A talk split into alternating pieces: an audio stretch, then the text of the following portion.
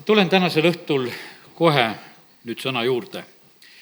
Ja ma loen kõigepealt kirjast ehveslastele viiendast peatükist, loen kahekümne viienda ja kuni kahekümne seitsmenda salmi.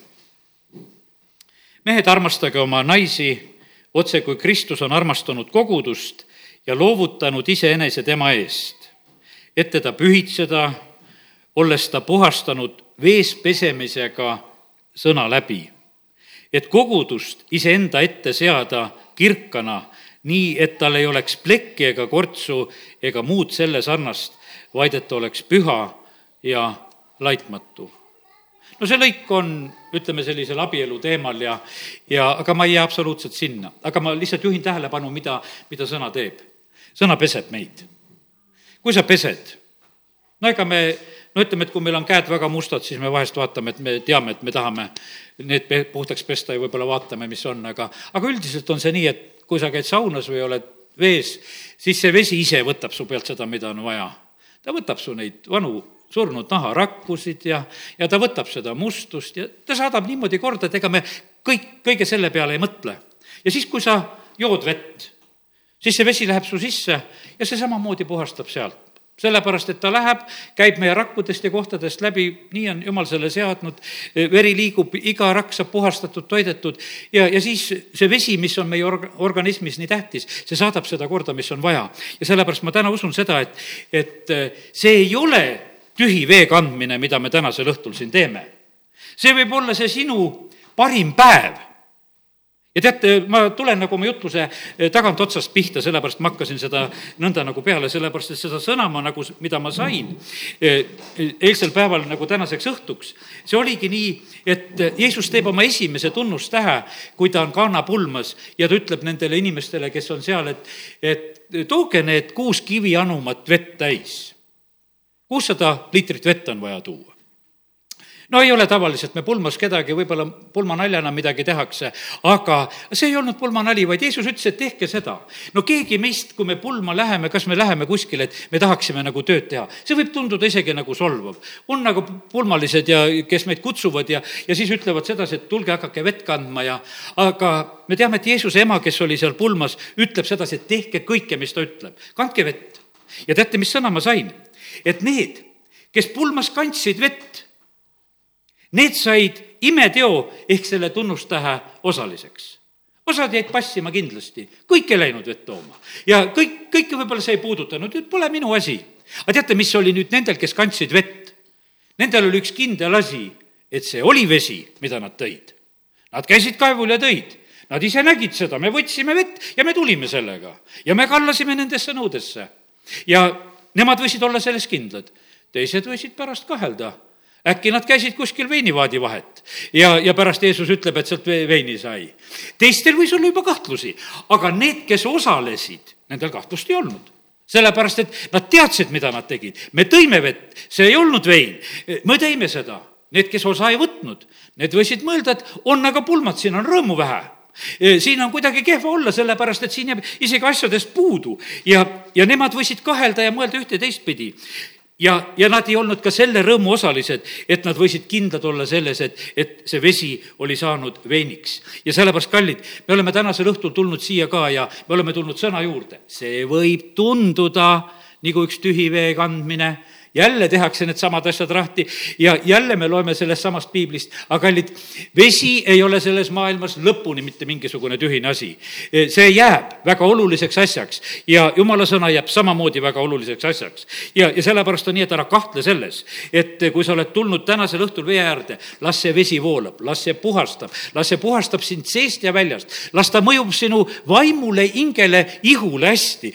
võta lihtsalt see selliselt usus vastu, et, et see mõjub kõigele mulle väga hästi. ja, ja sellepärast kiitus Jumalale, et, et täna võime üksteist kinnitada sellega, et, et selle vee juures on väga tähtis ja hea olla no ja võib-olla mõni ongi kuskil spaas ja mõtles, et selles vees on parem olla ja siputab seal. Need on ka head kohad, ei ole, ei ole selles mitte midagi halba. aga kallid, me jumala lastena peame mõistma sedasi, et meil on see üks väga hea vesi, kui me tuleme jumala sõna juurde. sest panid tähele, ma lugesin Pauluse need sõnad, et eh, kuidas Kristus on kogudust armastanud, armastamas, ta on loovutanud ennast meie eest, et teda pühitseda, olles teda puhastanud vees pesemisega sõna läbi. sõna on issanda käest sellega lihtsalt peseme. peseme kõiki neid, kes on kuuldel ja, ja kes on siin ja sellepärast kiitus Jumalale, et, et see on meile õnnistuseks. Naaman pidi kastma seitse korda vette ja saab puhtaks. Ja jälle selline, võiks ütelda, teatud mõttes oli talle see solvav, me teame seda lugu, et talle ei meeldinud see jõgi. Ja kes me kunagi võib-olla oleme näinud Jordani pilti nagu sellest kohast, kus arvatavalt Naaman oli, siis oli parasjagu sogane vesi, millest oli selline, et ja ta ütles, et mul on kodumaal paremad veed ja jõed, miks ma siin pean pesema aga ometigi see oli see, see oli see vesi, see oli see kuulekus, see oli see vette, vette kastmine.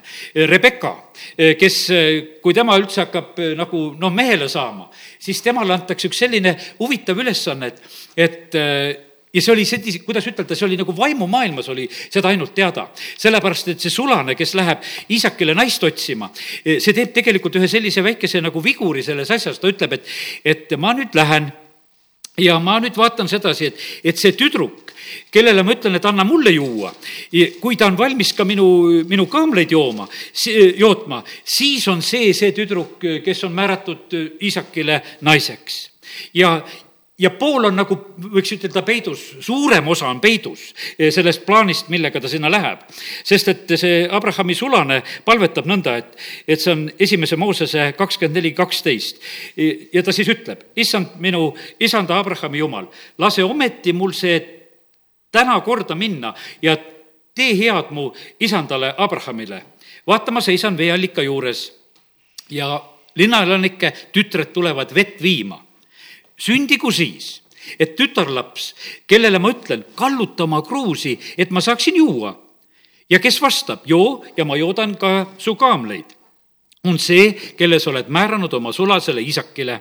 sellest ma siis tean, et mu isandale, et sa oled mu isandale head teinud ja veel enne, kui ta oli rääkimise lõpetanud, vaata, tuli eh, siis seal välja peal Rebecca, kes oli sündinud seal Petueli, Abrahami venna Nahori naise Milka pojale ja tal oli kruus õlal ja tütarlaps oli väga ilusa välimusega, alles neitsi, mehe poolt puutumata, ta läks allika juurde ja täitis kruusi ja tuli üles.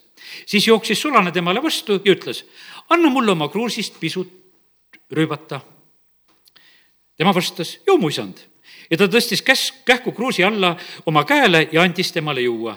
ja olles temale juu andnud, ütles ta, mammutan ka su kaamlitele, kuni needki on joonud ja ta tühjendas kähku oma kruusi künasse ja jooksis jälle kaevule vett ammutama ja ammutas kõigile ta kaamelitele seal vett.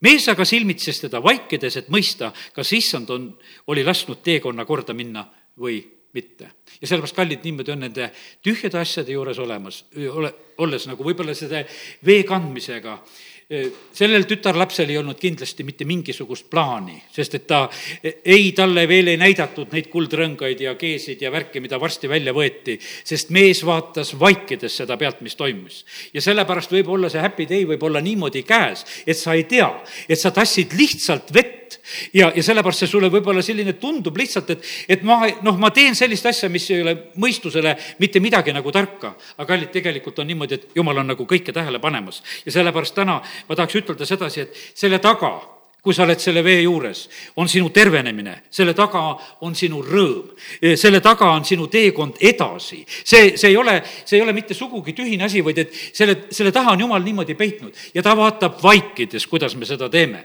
ja sellepärast meie Jumal on Jumal.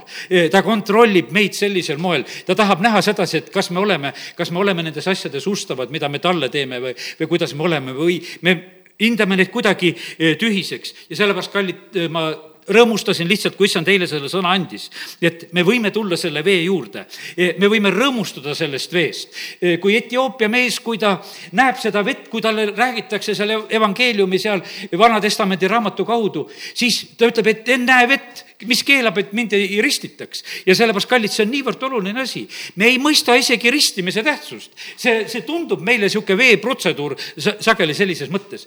pastor Šapovalov hiljuti just ütles nagu seda oma ühes jutluses, ütles sedasi, see on tegelikult meile see leping, mis on surematuse üle. sellepärast, et vaata, me ristimine on issanda surmasse matmine ja uuele elule tõusemine. Jeesuse veri puhastab meid ja päästab meid, aga, aga see on meil see uue ülestõusnud elu garantii tegelikult, mis on. me, meile vahest tundub, et see on, see on lihtsalt vesi ja meie, meie määrame neid koguseid ja mõtleme, et, et kas riputatakse või kastetakse või, või kuidas seda tehakse. inimesed nagu tegelevad sellega. issand näeb sedasi, et see on vesi, milles on tõotused, milles on asjad ja, ja sellepärast täna ma lihtsalt julgustan sind, et issand on valmis sulle tegelikult andma. ole valmis rohkemaks. Jeesus õpetab seda seal Mattiuse evangeeliumi viiendas peatükis ja nelikümmend üks salm, teen selle koha ka lahti. vanas tõlkes oli kunagi vist öeldud, et mine kaasa ja kõnni see teine penikoorem ka, aga eh, siin uuem tõlge ütleb täpsemalt, kuidas ka kreeka keelest on, seal on räägitud sellest miilist. ja kui keegi sunnib sind käima ühe miili, siis mine temaga kaasa, eh, siis mine temaga kaks see kuskil poolteist kilomeeter, eh, see miljon, eh, mida ta pidi, mis on algses tekstis öeldud, seletus on siin all, et kui sulle öeldakse, et mine üks ja sa oled kaks ja sellepärast Rebecca tegi seda.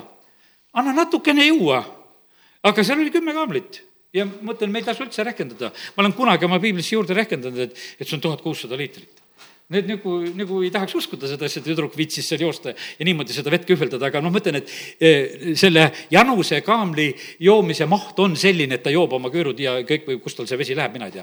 rasv on vist seal küürudes, eks. aga eh, ta joob ennast nii maksimaalselt täis, et ta saaks kaua olla seal kõrbes ja sellepärast ei ole tähtis võib-olla see, aga pigem oli see, et ta tegi seda ja sellepärast kiitus Jumalale. ta läks seda teist penikoormat, ta läks seda miili, eh, mida ta nagu ei pidanud võib-olla tegema, aga ta tegi ja ja sealt tulevad sinu võidud, sealt tulevad sinu õnnistused. ja, ja sellepärast on see niimoodi, ma ütlen, et ärme hoiame tagasi Jumala ees, ärme hoiame tagasi. kui sa tunned seda, et, et sa pead midagi tegema, et ära hoia tagasi, ära leia põhjendusi, miks sa ei pea ära leia neid põhjendusi, miks sa ei pea, vaid leia just neid põhjendusi, miks sa pead. ja, ja sellepärast, kallid, ma täna, tegelikult mu tänane jutlus on hoopis teine jutlus, mida ma rääkima hakkan, see oli jutluse lõpp aga täna liigun, eh, liigun teisest otsast pihta. aga mu tänane sõnum on selline, et, et eh, kas me julgeme issandat armastada koguduse keskel. kas sa julged issandat armastada koguduse keskel? ja, ja see on, see on tegelikult väga, väga oluline teema. me arvame sedasi, et, et koguduse keskel on väga lihtne seda teha ja, ja me võime seda väga kergesti teha kuningas Taavet oma laulus, psalm kakskümmend kaks ja kakskümmend kolm, kus ta ütleb sellise sõna, ma tahan su nime kuulutada oma vendadele keset kogudust, ma tahan kiita sind kakskümmend kuus salm sellest samast laulust. sinu kohta käib mu kiituslaul suures koguduses ja ma tasun oma tõotused nende ees, kes teda kardavad. kallid, koguduses võib olla väga erinev. meil on, noh, ütleme, hea kogudus meil siin lauluraamatuid ei olegi, eks. aga pastor Šapovalov tuletas seda meelde, et kui ta lapsena koguduses käis, ütles, et olid need lauluraamatud, vaata, inimesed vist piibliga ei löö aga lauluraamatuga anti küll. ütles, et seal, kui lapsed ei olnud, et siis oli niimoodi, et said selle spornikuga, tead, kui ei olnud. ütles, aga me teadsime ära need tädid kellel oli kommi, kellel enam hambaid suus ei olnud ja, ja jagasid lastele kommi ja nad olid rõõmsad, need neli pühitädid, kus ta lapsena seal käis. ja ta ütles, et me alati läksime nagu nende juurde, aga osad olid sellised kurjad, et asi ei ole korras ja siis kõlbas see lauluraamat ka, et lapsele anda sellega, sellega, kui, kui oli tarvis. ja sellepärast, kallid, nii see on, et, et vaata, keset kogudust keset kogudust ei olegi nii lihtne. teate, mille pärast ei ole keset kogudust nii lihtne? keset kogudust kehtib nii palju inimeste tahtmisi ja see, ja sellepärast on see selline lugu, et, et inimesed hakkavad keset kogudust inimesi kartma, mitte jumalat kartma. ja sellepärast see tänane sõnum, mis ma olen nagu saanud, on see, et oleme rõõmsad, oleme vabad, kui me oleme koguduse keskel. oleme rõõmsad, oleme vabad, kui me kiidame ja ülistame Jumalat. ärme häbeneme seda teha, sellepärast et see on niimoodi, et me vahest vaatame seda ju tegelikult teiste pealt, et mis teised teevad, et me teeme, teeme nagu selles mõõdus nagu järgi. ja, ja sellepärast, kallid, me ei pea häbenema oma issandat, toome talle kiitused ja tänud. teeme seda, kas teised toovad või ei too. üks pidalitõbine tuli tooma ja tegi seda valju häälega, teised ei teinud seda. ja sellepärast, issand kiitis seda ohverdame rõõmsalt, teeme kõike rõõmsalt, teeme meie neid asju julgelt ja rõõmsalt, mitte nagu häbenedes. sest vaenlane tahaks tegelikult meie, meie käest nii palju tegelikult riisuda just sellise kartuse ja, ja, ja ka inimeste kartuse kaudu. me elame siin selles maailmas, eh, kus vaen ei lõppe. ja eh, teie olete saatana vaenlased ma tulen nüüd nagu selle sõna juurde, kus ma nüüd hakkan algusest vaatama seda, mis ma issandes olles sain kui te olete tulnud minu riiki. vaata, siin on, me ei, meile võib-olla ei meeldi see sõna, et me oleme saatana vaenlased. aga me oleme seda, sest me oleme pimeduse meelevallast välja toodud, oleme asetatud Jumala armsa poja riiki. meile on antud sõjavarustus, et vastu panna vaenlasele. me peame kuradile seisma usus vastu. meil võib olla selliseid, noh, ütleme, eh, mõttekiiksud, et no sõna ütleb meile, et armasta vaenlast ja, ja palveta tema eest. no ega sa ometi kurade eest ei palveta ju ma ei usu seda, et sa seda teed, et sa temast palvetad, sest meil on teada sedasi, et, et olgugi, et ta on meie vaenlane number üks, aga ta ei kuulu sellesse kategooriasse, keda me armastame või kelle eest me palvetame. sellepärast, et, et tema, tema saatus on lõplik ja sellepärast on niimoodi, meie päästame inimesi tegelikult kuradi meelevallast. me kutsume neid, et tulge teie ka ära sellest kuradi meelevallast, tulge välja. ja, ja sellepärast on see nii, et nii tähtis on see, et me nagu mõistaksime seda, et et on olemas üks selline vastasseis, mille koha pealt me peame olema nagu väga julged ja, ja jumala riigi ja kuradi riigi vahel mitte kunagi rahu ei tule. mitte kunagi rahu ei tule.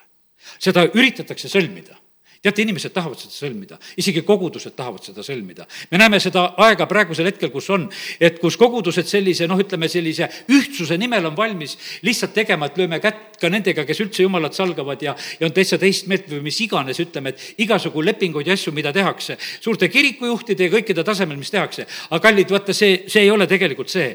jumal kunagi ei heida kuradiga ühte, ta on ta lõplikult taevast välja visanud, ta on temale ja ta inglitele valmistanud põrgu. ja, ja sellepärast on see niimoodi, et me, me ei pea siin kuidagi teistmoodi e, mõtlema. ja need kogudused, kus tehakse rahu saatanaga, issand ütleb, et mina lahkun nendest.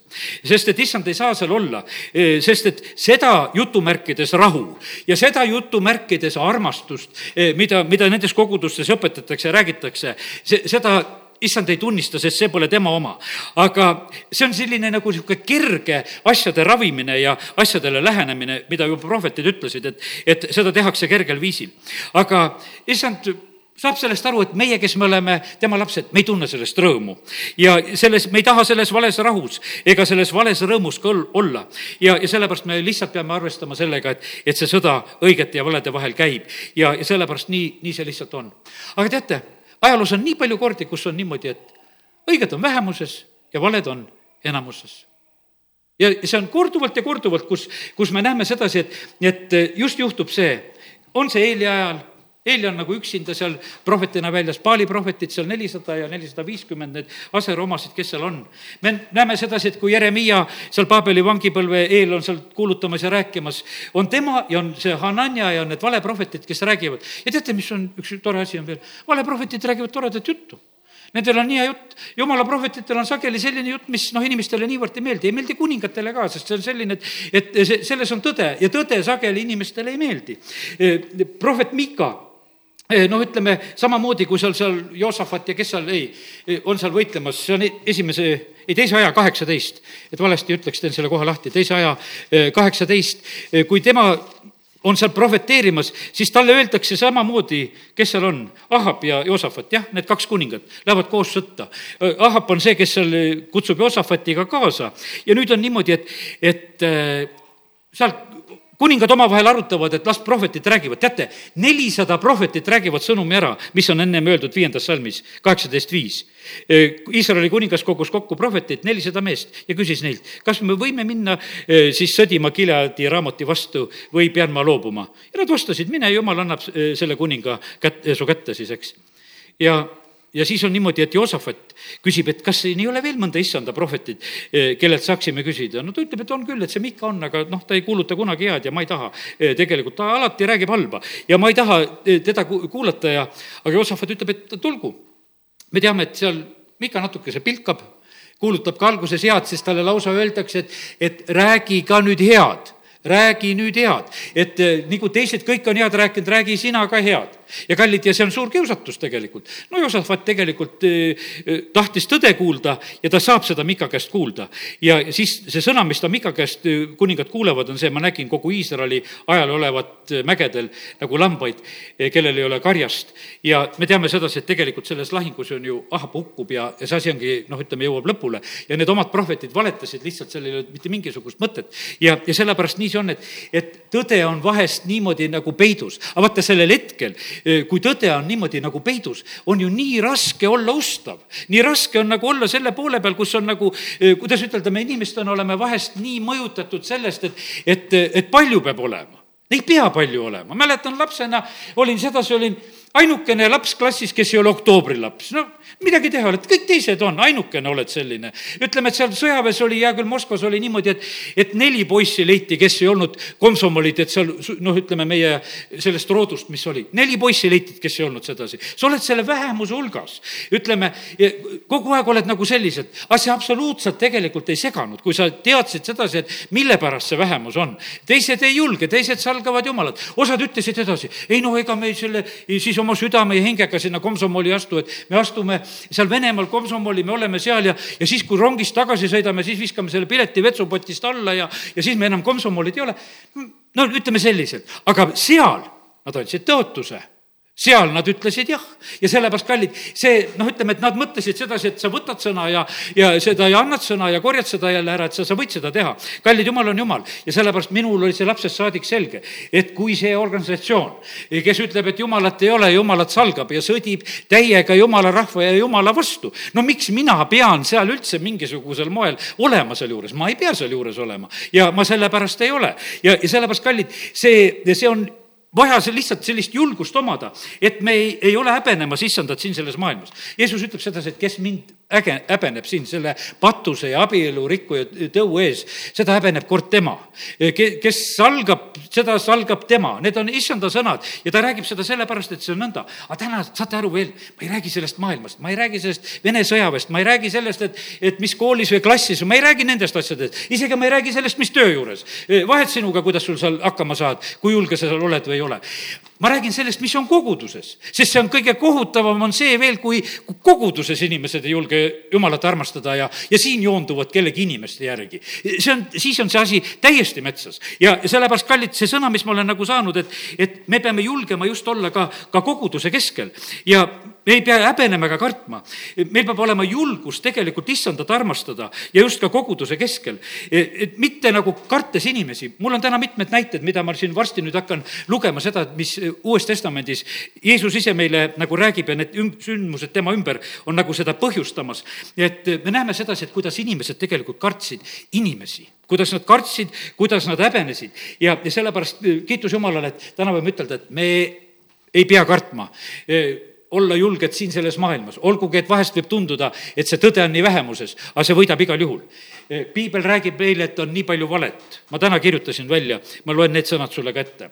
mis, mis siin, siin maailmas on? on valekõned, on valekuuldused, on valetunnistajad, on valeprohvetid, on vale vaim, on valejutud, on valeteed, on valesõnad on valed nägemused, on valed eluviisid, eh, on vale vandumine, eh, siis on valeõpetajad, on valemessiad, valekristused ja valevennad, millest Paulus rääkis, et ta vahest kannatas nende käes ka tead, sa pead arvestama sellega, et väga palju on valet, väga palju on imiteeritud, väga palju on imiteeritud siin selles maailmas, mis ei ole tõeline ja sellepärast on kallid. aga vaata, need valed võtavad kõik nagu enda meelevalla alla. kui lihtsalt juba viitan selle, et Tüatira koguduses on, issanda pretensioon on see, sa sallid naist Iisabeli. Te sallite teda, aga milles oli küsimus? lihtsalt vaata, see on nii tugev kontroll, see on nii vastik kontroll, et sellele on lihtsam mitte hakka, vastu hakata, vaid lihtsalt alistuda. aga vaata, seda ei ole. kui hakkate vastu, ma annan teile meelevalla. ja sellepärast on see niimoodi, et kallid, see on lihtsalt orjastav asi, mis võib olla koguduse keskel.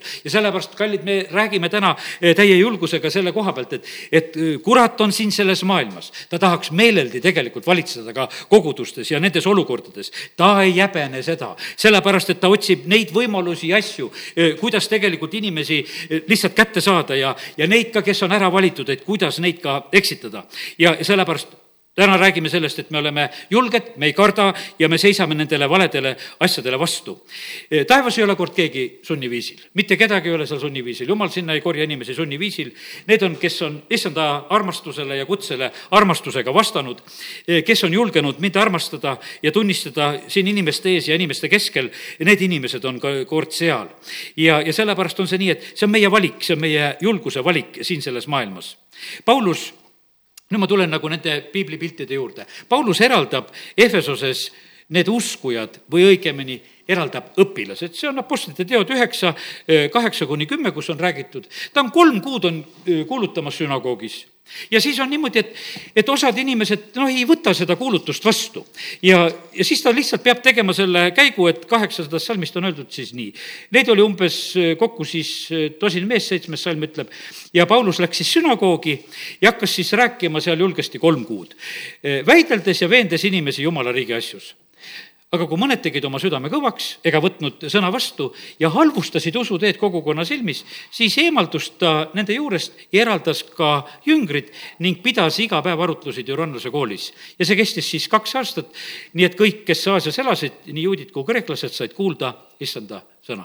ja tal ei jäänud mitte midagi muud üle, ta lihtsalt, ta lihtsalt eraldas need, kes eh, olid valmis õppima, ta eraldas need, kes olid valmis uskuma, ta eraldas lihtsalt need. ta proovis seda sünagoogis teha, seal hakati halvustama usuteed ja ta teeb selle otsuse, et ei, siin ei tasu olla ja ta teeb selle, selle sammu. see tähendab olla kuulekas eh, issandale ja, ja teha neid sammusid. ja kui nüüd mõelda meie eh, issanda peale, siis eh, tema oli selline, kes ärritas tegelikult väga palju.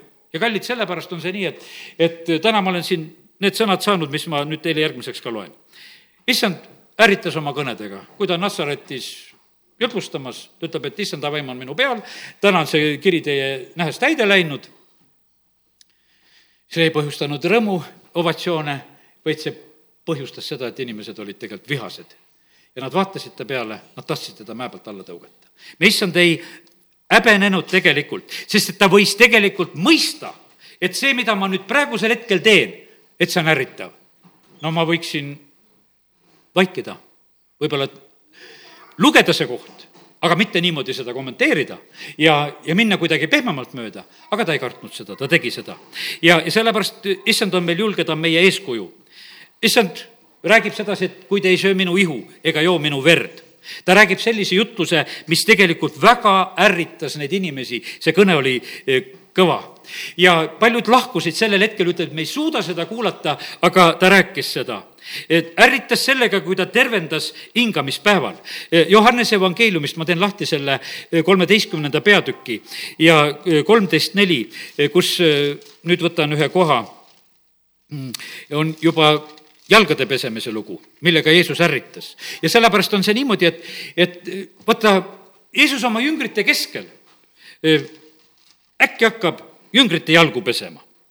kolmteist neli, järgmine koht, mille juures oleme, eks paned tähele? Ta tõusis õhtusööma alt üles, pani oma kuu ära, võttis rätiku ja sidus selle endale vööle ja hakkab oma jüngrite jalgu pesema. no ma ei, täna ei lasku sellesse, et on igasugu õpetusi, et, et osad, kes jalgu pesevad ka, et nendel on niimoodi, et et rätik peab olema õi-, õieti seotud, et kui rätik on nagu Jeesuse veidi ümber seotud, siis on üks õige jala pesemine. kui, kui rätik on õla peale pandud, siis on vale jala pesemine, no et ütleme, et see on juba inimeste värk, kuhu minnakse. aga pane tähele, ma täna räägin sellest, et mida Jeesus tegi. Nad olid juba söömas. tähendab, jalad olid seal pesemata jäänud. ta tõuseb sellest lauast ja ta võtab rätiku ta võtab kausi, eks, võtab kuue ära, sidu-, seob selle öö, omale vööle kallab siis vett sinna vaagnasse ja hakkas pesema jüngrite jalgu ja kuivatama rätikuga, mis tal vööl olid. siis ta tuli kelle juurde? Peetruse juurde, keda saab esimeseks kõige rohkem ärritada. see, see on niimoodi, et ta oleks ju võinud noh, mõne sellise teise jüngri valida, kelle suu nii kiiresti lahti ei lähe. aga ei, ta ei karda, ta läheb selle juurde, ta teab, et sealt tuleb laksti vastu. et kui sinna lähed, sealt saad ja ta läkski sinna, ta läheb Peetruse juurde, ütleb, et, et äh, ta tahab jalgu pesta ja siis Siimon kohe ütleb, issand, kas sina tahad pesta minu jalgu? Jeesus vastas, mida mina teen, seda sina praegu ei tea, aga küll sa pärast sellest aru saad. Peetrus ütles talle, mitte mingil juhul ei pese sina mu jalgu. Jeesus vastas talle, kui mina ei pese, siis ei ole sul osa minuga. No mõtleme korraks täna selle veevärgi peale, millest me algasime. jälle lihtsalt vesi kausis ja ütles, et aga vaata, praegusel hetkel ainult jalad kaussi. ja, ja sul ei ole osa, sul ei ole osa, kui sa ei võta leivast ja karikast osa sul ei ole osa, kui sa ei lase ennast pesta, kas või jalgu ei lase pesta. kui, kui sa ei lase sõnal enda juures tööd teha sa ei saa sellest praegusel hetkel aru, aga ma ütlen sulle, Peetrus, et sa saad sellest asjast aru. no Peetrus no siis noh, nagu teise äärmuse mees ütleb, et no kui sa juba mu jalgu pesed, siis umbes, et pese mind üleni juba siis. et kese, pese mu käsi ja pese mu pead ja, ja Peetrus, nagu ta oma väljendusega kohe läheb teise äärde ja Jeesus ütleb ei, ma teen praegusel hetkel seda, te olete puhtad, aga mitte kõik Peetrus räägib tegelikult nii julgelt või vabandust, Jeesus räägib nii julgelt ja ärritavalt. ta ütleb sedasi, juuda koha pealt ütleb seal ka välja sedasi, et praegusel hetkel on niimoodi, et aa, et, et siin on puhtad kõik peaaegu aga mitte üks. ma tean, see mitte kõik ei ole siin. ta teadis, et juudas ta reedab ja sellepärast ütleski, et te kõik ei ole puhtad. ta, räägib tegelikult nii ärritavalt. no miks on siis, on nagu vaja nagu selliseid, kuidas ütelda, asju nagu õhku paisata, et tekitada kahtlust, et mingisugune küsimärk jääb ülesse. aga issand teeb seda, ta teeb seda julgelt. kolmteist salm meil on vahest niimoodi, meil on võib-olla üks teine kirjakoht, kõliseb rohkem, et, et ära ütle mitte kellelegi õpetaja aga loeme siit praegusel hetkel, mis peab ütel-, öeldakse, kolmteist, kolmteist. Te hüüate mind õpetaja ja issand, seda te ütlete õigesti, sest see ma olen. kui nüüd mina, issand ja õpetaja olen teie jalgu pesnud, siis tuleb teilgi pesta üksteise jalgu, sest ma olen teile andnud eeskuju, et teiegi teeksite nõnda, nagu mina olen teile seda teinud ja sellepärast, kallid, nii see on, et, et me näeme sedasi, et, et jumala sõnast me vahest leiame, et nagu keegi nimetada kui õpetajaks ega midagi, Jeesus ütleb, et julgelt siin, ma olen teie issand ja ma olen teie õpetaja ja ma teen teile neid asju niimoodi, et nagu ma neid parasjagu teen. ja, ja sellepärast on see niimoodi, ta jätab selles eeskuju. ja sellepärast, kallid, niimoodi on, me peame väga julgelt tegelikult opereerima ka selle jumala sõnaga, mis me saame. sest et ma täna näen sedasi, issand Efesuse kirjas ütleb sedasi, et ma tahan selle vee pesemise kaudu kogudust puhtaks teha ja sellepärast selle veega me uhame julgesti. meil ei ole mitte mingisugust kartust. see, mis siin sõnas on olemas, sellega lihtsalt tegutseme, seda loeme ja see saadab korda. see teeb meid seestpidi puhtamaks ja see teeb meid väljast puhtamaks. ja, ja see on meile õnnistuseks, nii et eh, kiitus Jumalale. meie issand oli selline, kes eh, selliselt käitus. ja nii ta on, et eh, Jeesus ärritas oma juttudega oma kannatusest ja surmast.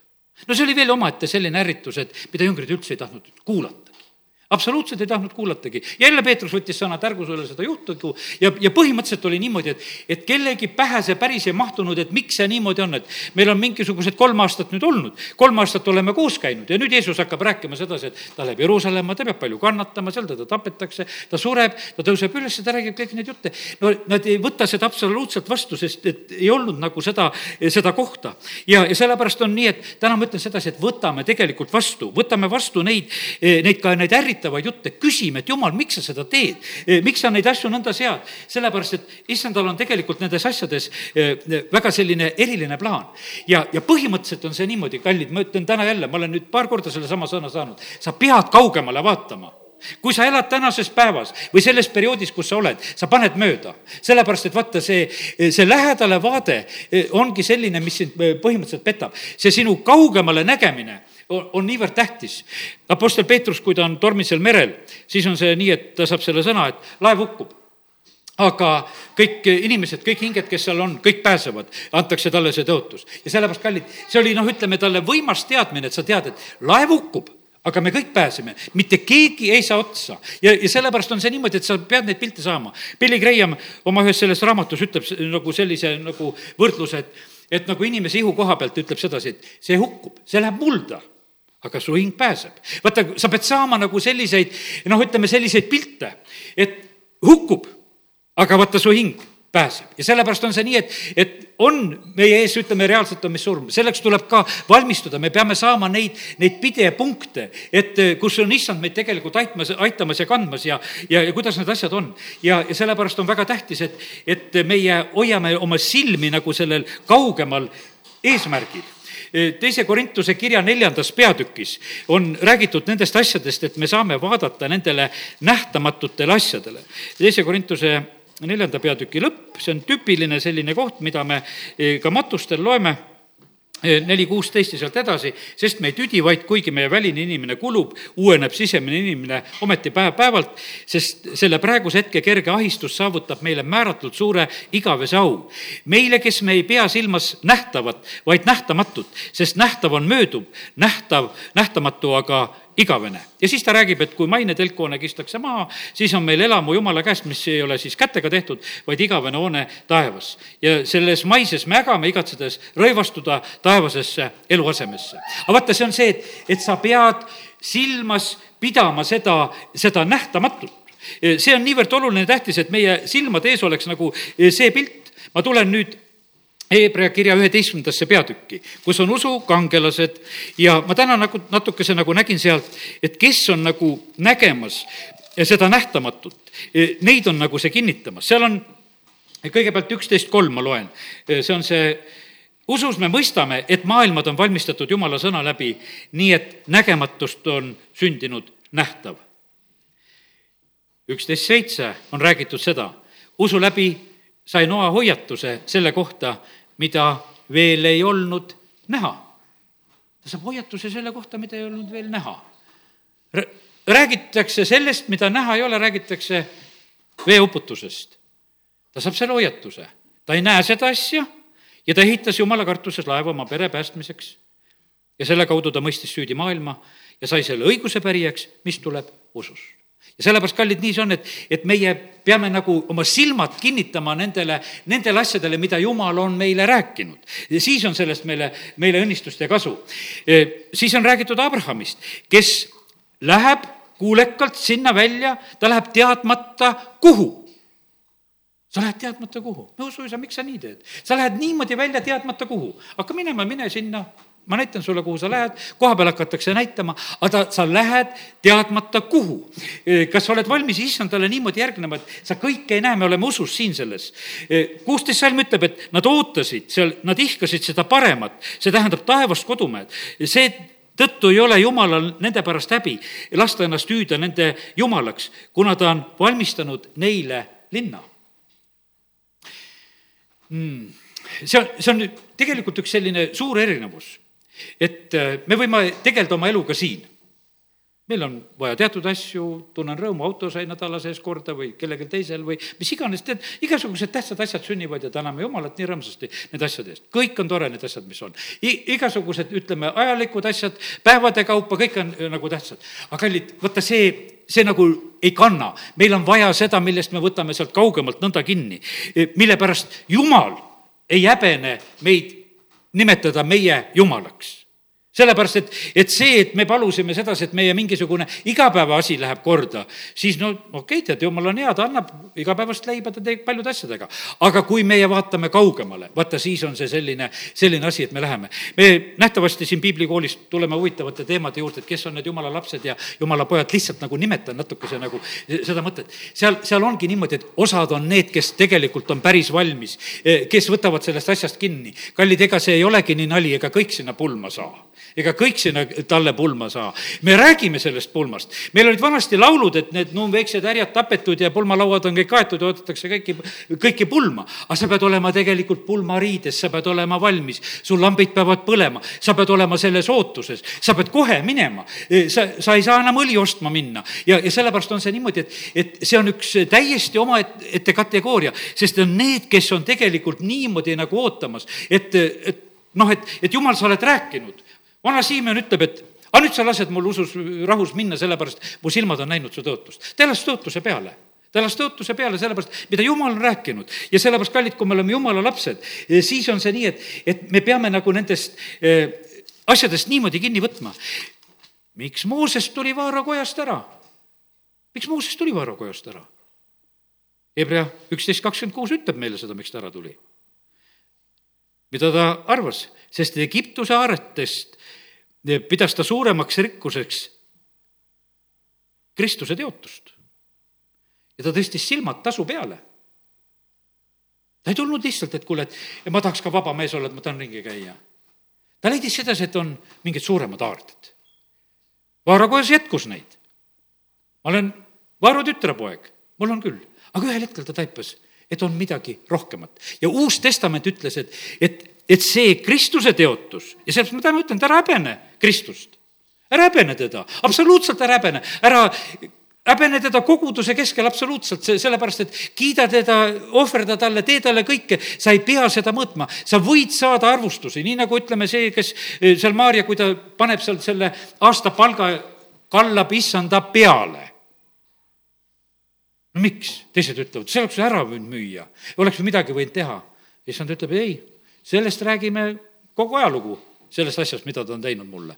ja sellepärast, et see tehti mulle, see tehti issanda suunal, tunnistati issand kõige kallimaks. ja sellepärast, kallid, niimoodi, et, et ja Mooses samamoodi, ta tõstab oma silmad tegelikult Kristuse peale, selles mõttes tasu peale ja ta hakkab teenima jumala rahvast. siin on noh, ütleme, et kes me oleme jumala sulased, me võtame siit samamoodi eh, kinnitust, kakskümmend viis salm.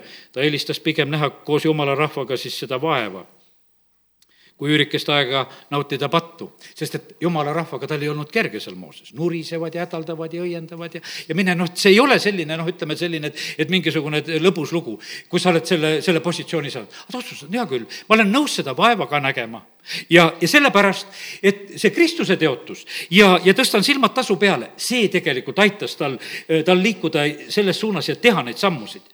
Oor Rahab, kellele veel siin tähelepanu juhin, üksteist kolmkümmend üks usus ei hukkunud Oor Rahab, kui ta koos sõnakuulmatutega, koos sõnakuulmatutega, sest ta oli rahuga vastu võtnud salakuulajad. ta teeb Jerikos otsuse, et ma võtan siit need Iisraeli salakuulajad praegusel hetkel vastu, ma peidan neid, ma hoolitsen nende eest ja saadan nad vaikselt minema. ta riskib tegelikult, võiks ütelda, selles linnas, noh, ütleme, vaenlasi vastu võttes väga, väga tugevalt. aga tegelikult oli see väga suur võit mida ta tegi. sellepärast, et Jeerikul ei olnud tulevikku. Jeeriku tulevik oli läbi, seal oli kõik lõppenud. aga vaata, ta suutis veel viimasel õigel hetkel teha selle otsuse, et ta põhimõtteliselt teeb selle sammu ja kallid, ja, ja ta saab ju selle kaudu, saab Jeesuse sugupuusse. see ei olnud mitte ainult veel mingisugune, et lihtsalt oma pere ja, ja lähedaste päästmise lugu ainult, vaid ta tegelikult astus Jumala plaanidesse sa astusid viimasel hetkel jumala plaanidesse. sa oleksid võinud hukkuda koos selle Jerikoga nagu need kõik.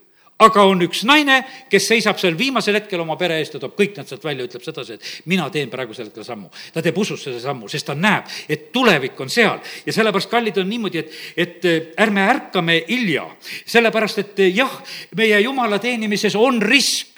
Meile tundub sedasi, et no kuule, et, et no oleks sul mingisuguseid liitlasi üksinda seal üksinda seal ühe naisena ja siis kamandad veel, et tulge, tulge mu omad ka siia kõik kokku ja, ja seod oma punast eh, niidikest sinna akna külge ütled, et me nüüd pääseme, sellepärast et meil on nii. jah, pääseme. ja, ja sellepärast nii ta on, et, et hilja on ärgata siis, kui need rumalad on kuskil ukse taga juba ja lambid on kustunud ja issand tuleb ja sa ei pääse sisse ja tuled oma hilinenud õliga ja, ja issand räägib oma sõnas meile sedasi, et, et ühel hetkel on need, kes ütlevad, et katke meid, mäed ja mäekünkad, sest vaata, kui issand on tulemas, siis see on niivõrd ehmatav. ja, ja sellepärast kiitus Jumalale, et, et täna näed, võime rääkida nendest asjadest, et meil on aeg tegelikult olla julge. ja, ja sellepärast me peame väga julged tegelikult issand ees olema. me ei tohi eh, nagu noh, absoluutselt häbeneda e-, ega karta. Eh, Johannese kaheteistkümnendast peatükist võtan ka ühe loo veel see on see koguduse keskel lugu, millest ma nagu täna ka just rääkida tahan. no see on, noh, see on tegelikult on see sünagoogi lugu. Eestikeelses tõlkes on see eh, meile tõlgitud, et noh, et meie tõlkes, et kogudus, no algkeeles on ta siin, kreeka keeles on ta sünagoog, aga noh, põhimõtteliselt on seesama rahvas käib koos, see on see, ütleme, see linna või küla kogudus, mitte tempel, aga see linnaküla kogudus, kus ollakse koos. ja, ja nüüd on niimoodi, et, et eh, vabandust, see on nähtavasti see üheksanda peatüki lugu, kus see pimedas sündinu, Johannes üheksateist, jah, või üheksa, ja kust ma hakkan natukese vaatama. ja seal toimub selline asi, et, et kui seda pimedat tervendatakse, siis sellest tekib tegelikult tohutu häda nagu sellest asjast, tekib sellele pimedale endale ka sellepärast, et kui ta on terveks saanud, üks probleem on selles, et, et ta tegi, Jeesus tegi selle teo hingamispäeval. ma loen siit salmi kolmteist ja sealt edasi. ja nad viisid teda siis endise pimeda variseride juurde, sest see päev, mil Jeesus tegi muda ja avastas silmad, oli hingamispäev. variserid küsisid temalt nüüd omakorda, kuidas ta on saanud nägijaks ja tema ütles, ta pani muda mu silmadele ja, ja ma pesin end ja näen nüüd. ja siis need ütlevad, et see inimene ei ole jumalast. see inimene ei ole jumalast. no lihtsalt tuleb see, see ütlemine. see tuleb Jeesuse koha pealt, see tuleb see ütlemine. see inimene ei ole jumalast. no siis nad äh, räägivad, et kuidas see patune inimene küll saab siis teha selliseid tunnustähti ja arutavad neid asju ja nad siis ütlevad taas pimedale, seitseteist salm. mida sina ise tema kohta ütled, et ta on avanud sinu silmad? tema ütleb, ta on prohvet, tunnustab Jeesust selliselt. siis ei tahtnud juudid uskuda, et ta oli olnud pime ja saanud nägijaks ja, ja vaidlevad selle üle, kutsutakse vanemad. vanemad, et noh, sellepärast, et noh, et, et võib-olla tegelikult on pettus, et ta ei olnud pime ja, ja mängitakse siin mingit etendust, et Jeesusel oli täna siin mingisugune ime sündinud. no vanemad, kui tulevad, vanemad ei julge vastata. teate, mille pärast? kakskümmend kaks salm. Vanemad ütlevad ennem sedasi, et ta on küllalt vana, et las ta räägib ise, aga vanemad vastasid nõnda, sest nad kartsid juute, kuna juudid olid juba kokku leppinud, kes iganes tema messiaks tunnistab, heidetakse kogudusest välja, sealt sünagoogist välja. seepärast ta vanemad ütlesid, ta on küllalt vana, küsidige tema enda käest. ja siis nad kutsuvad teist korda nüüd selle inimese, selle pimeda, kes oli olnud pime ja ütlevad, anna au Jumalale, sest me teame, et see inimene on patune. No nüüd on niimoodi, lastakse veel jutustada, siis see pime, kes oli nägijaks saanud, küsib, et kuule, kas te tahate Jeesuse jüngriteks saada, et miks te nii palju küsite selle Jeesuse kohta? no siis nad hakkasid teda sõimama ja ütlesid, sina oled tema jünger. meie oleme Moosese jüngrid ja teate, mis tegelikult selle loo lõpp on see? pime inimene visatakse kogudusest välja. kolmkümmend neli salm. Nad kostsid talle, kas sina, kes oled sündinud lausa pattudes, tahad meid õpetada ja nad heitsid ta kogudusest välja. no kui Jeesus sai kuulda, et ta on kogudusest välja heidetud, ta suhtleb temaga ja tutvustab ennast, kes ta on. kallid, aga vaata, mis sünnib. kas sa tahad olla Latsarus, kes on surnust üles äratatud? Latsarust taheti ära tappa. sellepärast, et see mõjus nii juutidele, et paljud hakkasid uskuma.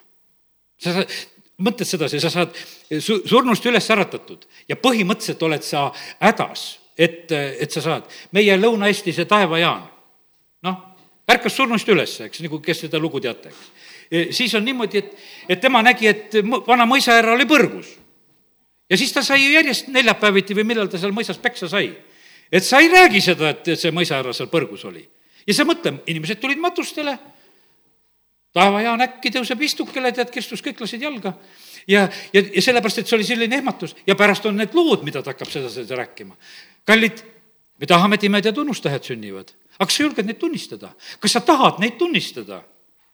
E, seda võib-olla naertakse välja, seda ei taheta võib-olla üldse kuulda, seda ei taheta isegi koguduse keskel kuulda sest see, see võib täiesti niimoodi olla, sellepärast et, et nii ta on ja selle vastu tullakse.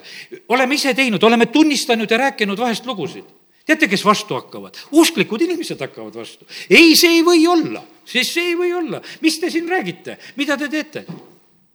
Ja sellepärast, kallid, nii see on, et ma täna julgustan sedasi, et me oleme siin selles maailmas just sellises olukorras ja me ei pea absoluutselt kartma. nii et ära karda olla issand oma, ära häbene issandat ja ära karda teda kiita, ära ülistada, tee seda väga julgesti, tee seda valju häälega ja mis siis ka, kui meie osaks vahest saavad sellised asjad, et, et tullakse meie vastu ja, ja suhtutakse halvasti, aga tegelikult selles on õnnistus. kiituses ja ülistuses on eriline õnnistus.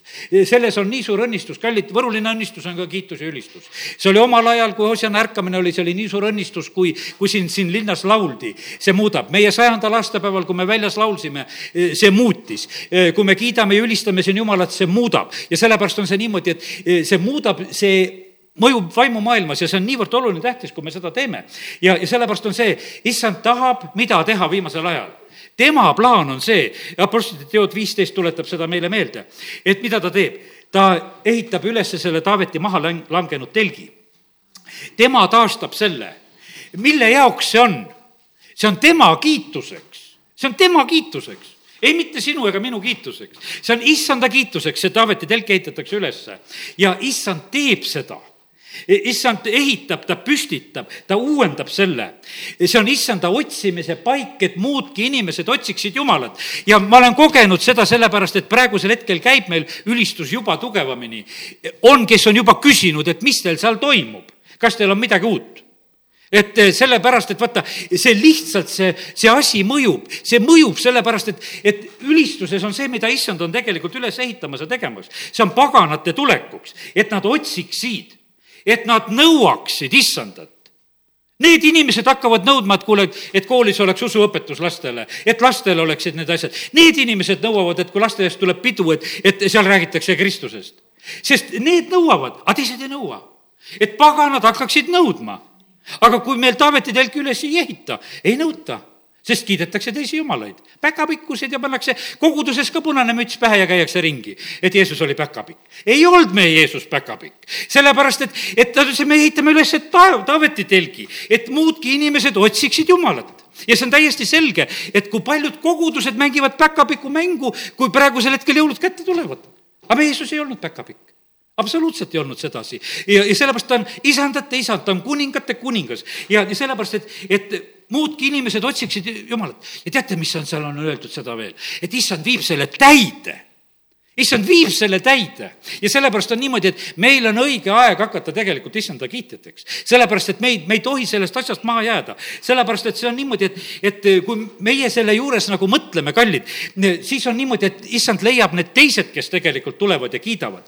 ja, ja sellepärast on see niivõrd tähtis ja issanda kiitus oli kõige hullem asi, mis häiris Jeruusalemmas samamoodi. oli see kuninglik sissesõit, siis oli samamoodi, et kuule, pane need jüngrid ja vait ja mis siin praegusel hetkel hüüavad. aga nad tegid seda mega valju häälega, tegelikult, kui oli issand kuninglikult sinna sisse sõitmas. templis karjusid poisid seal ja kiitsid issandat, e, tegid seda kõvasti ja see, ja sellepärast on see niimoodi. ja Taavet tantsis ka kõigest vähest ja oma naine tead, seal õiendas, ütles, et kuule, halb ja rumal oled, et vaata, mis sa siin praegusel hetkel teed, hüppad siin niimoodi ringi. ja sellepärast, kallid, nii on, ma täna räägin sedasi, et, et selle asja vastu on eh, kurat siin selles maailmas kõige rohkem. me võime teha, esimesed missioonipäevad, ma mäletan, kui me Võrus üldse tegime esimene küsimus oli Võru linnavalitsuses, ma mäletan tookord, kus ma käisin ise seda luba kauplemas. Te võite seda teha, aga laulda te tänaval ei tohi. mis jutt see on? Ta ütles, et no seda tuleb kuskil seal mõnede volikogu ees või eh, luba saada ja hakati mulle rääkima niisugust juttu tookord seal niisugust ja ma ütlesin, ma olen nõus igale poole minema, kus on vaja seda laulu kaubelda, aga et see ei ole võimalik, et kui me kristlastena läheme, et, et me ei laula. muidugi me laulsime, aga see oli kristlane, kes mulle seal vastu pani see oli kristlane tegelikult, kes seda vastu pani. sest et ma tean tema, tema sellist suhtumist, sest ta ise seda oli, aga millegipärast ei tahtnud issandale lasta au ja kiitust laulda. ja sellepärast, kallid, nii see on, et, et aga meie ei jäta seda, me teeme seda ja sellepärast on see niimoodi, et sellepärast, et issand teeb seda ja, ja sellepärast me vajame selleks ainult sellist julgust. ja, ja kiitus Jumalale, et täna, näed, võime lihtsalt julgustada ja rääkida sedasi ja eelkõige see hakkab pihta koguduse keskelt, ärme häbeneme seda teha. teate, me lapsed vaatavad seda, mida me teeme või mida me ei tee. ja, ja sellepärast on see nii, et, et mäletan sedasi, kui mu üks poegadest, noh, käisime piiblikoolis ja oli siis üsna väikene veel, tulime ükskord Tartust, tee oli libe. tead, no me vaikselt palvetame, et jumal, hoia meid tee peal ja noh, et me jõuaksime ilusasti Võrru ja noh, tegime ka seal vaikselt palvet. saime lapse suust noomituse, no paluge nagu piiblikoolis. no hüüdke Jumala poole. no me siis tegime. me püsisime tee peal üks auto, kes meist sellel, noh, hetkel üsna varsti seal meist mööda sõitis, sõitis kraavi, sest see oli nii kiilakas, see tee oli. ja tead, ja noh, niisugune pime ja kiilakas olukord ja sa ei taju seda libedust ka. ja sellepärast, kallid, nii see on, et tegelikkuses on see niimoodi, et hüüame issanda poole, ta kuuleb meid, me ei pea häbenema. ärme häbeneme oma Jeesust. meil on vahest see selline tunne, et me mõtleme, et, et meil on see häbenemise koht, et, et, et maailmast, ma täna ei rääkinudki, said aru sellest, ärme häbeneme kogudusest amin. tõuseme ja olen palves isa, me täname sind, et äh, me võime täna lihtsalt tänu tuua selle eest, et sina meid julgustad. tänu sulle, Jumal, et see sõna teeb meid julgemaks. Jumal, me täname, kiidame, ülistame sind, et see on sõna sinu käest. selleks, et sina tahad seda Taaveti telki üles tõsta ja ehitada ja taastada ja uuendada ja et muudki inimesed, et kõik paganad ja rahvad otsiksid, Jumal, sind. ja, ja me täname sind, Jumal, et, et see käib selle kiituse ja ülistuse kaudu. isa, kiitus ja tänu sulle. isa, ma õnnistan väga võimsalt ka seda eh, Riias toimuvat varsti uue põlvkonna kolmekümnendat aastapäeva, mis on tulemas novembrikuus. isa, me palume seda, et see kiitus ja ülistus oleks võimsalt mõjumas eh, seal Lätis ja Riias ja, aga see oleks mõjumas ka meile, eh, kes me oleme siin Eestimaal või kes on Leedus. jumal, me palume seda, et see oleks selle regiooni õnnistus, Jumal, kui kiitus tõuseb sinu poole. ja Jumal, me täname sind, et, et see kiitus ja ülistus on meid niikuinii juba innustanud ja me õnnistame väga ka pastor Aleksei Leedjäävit kõiges selles ettevalmistuses. ja isa, me palume seda, et kogu sina sinna palju kokku neid, kes sind kiidavad ja austavad ja, ja ülistavad, aga me täname sind, Jumal, selle tänase õhtu ja selle sõnumi eest, mida sa täna siin paigas kandsid. Jeesuse nimel, aamen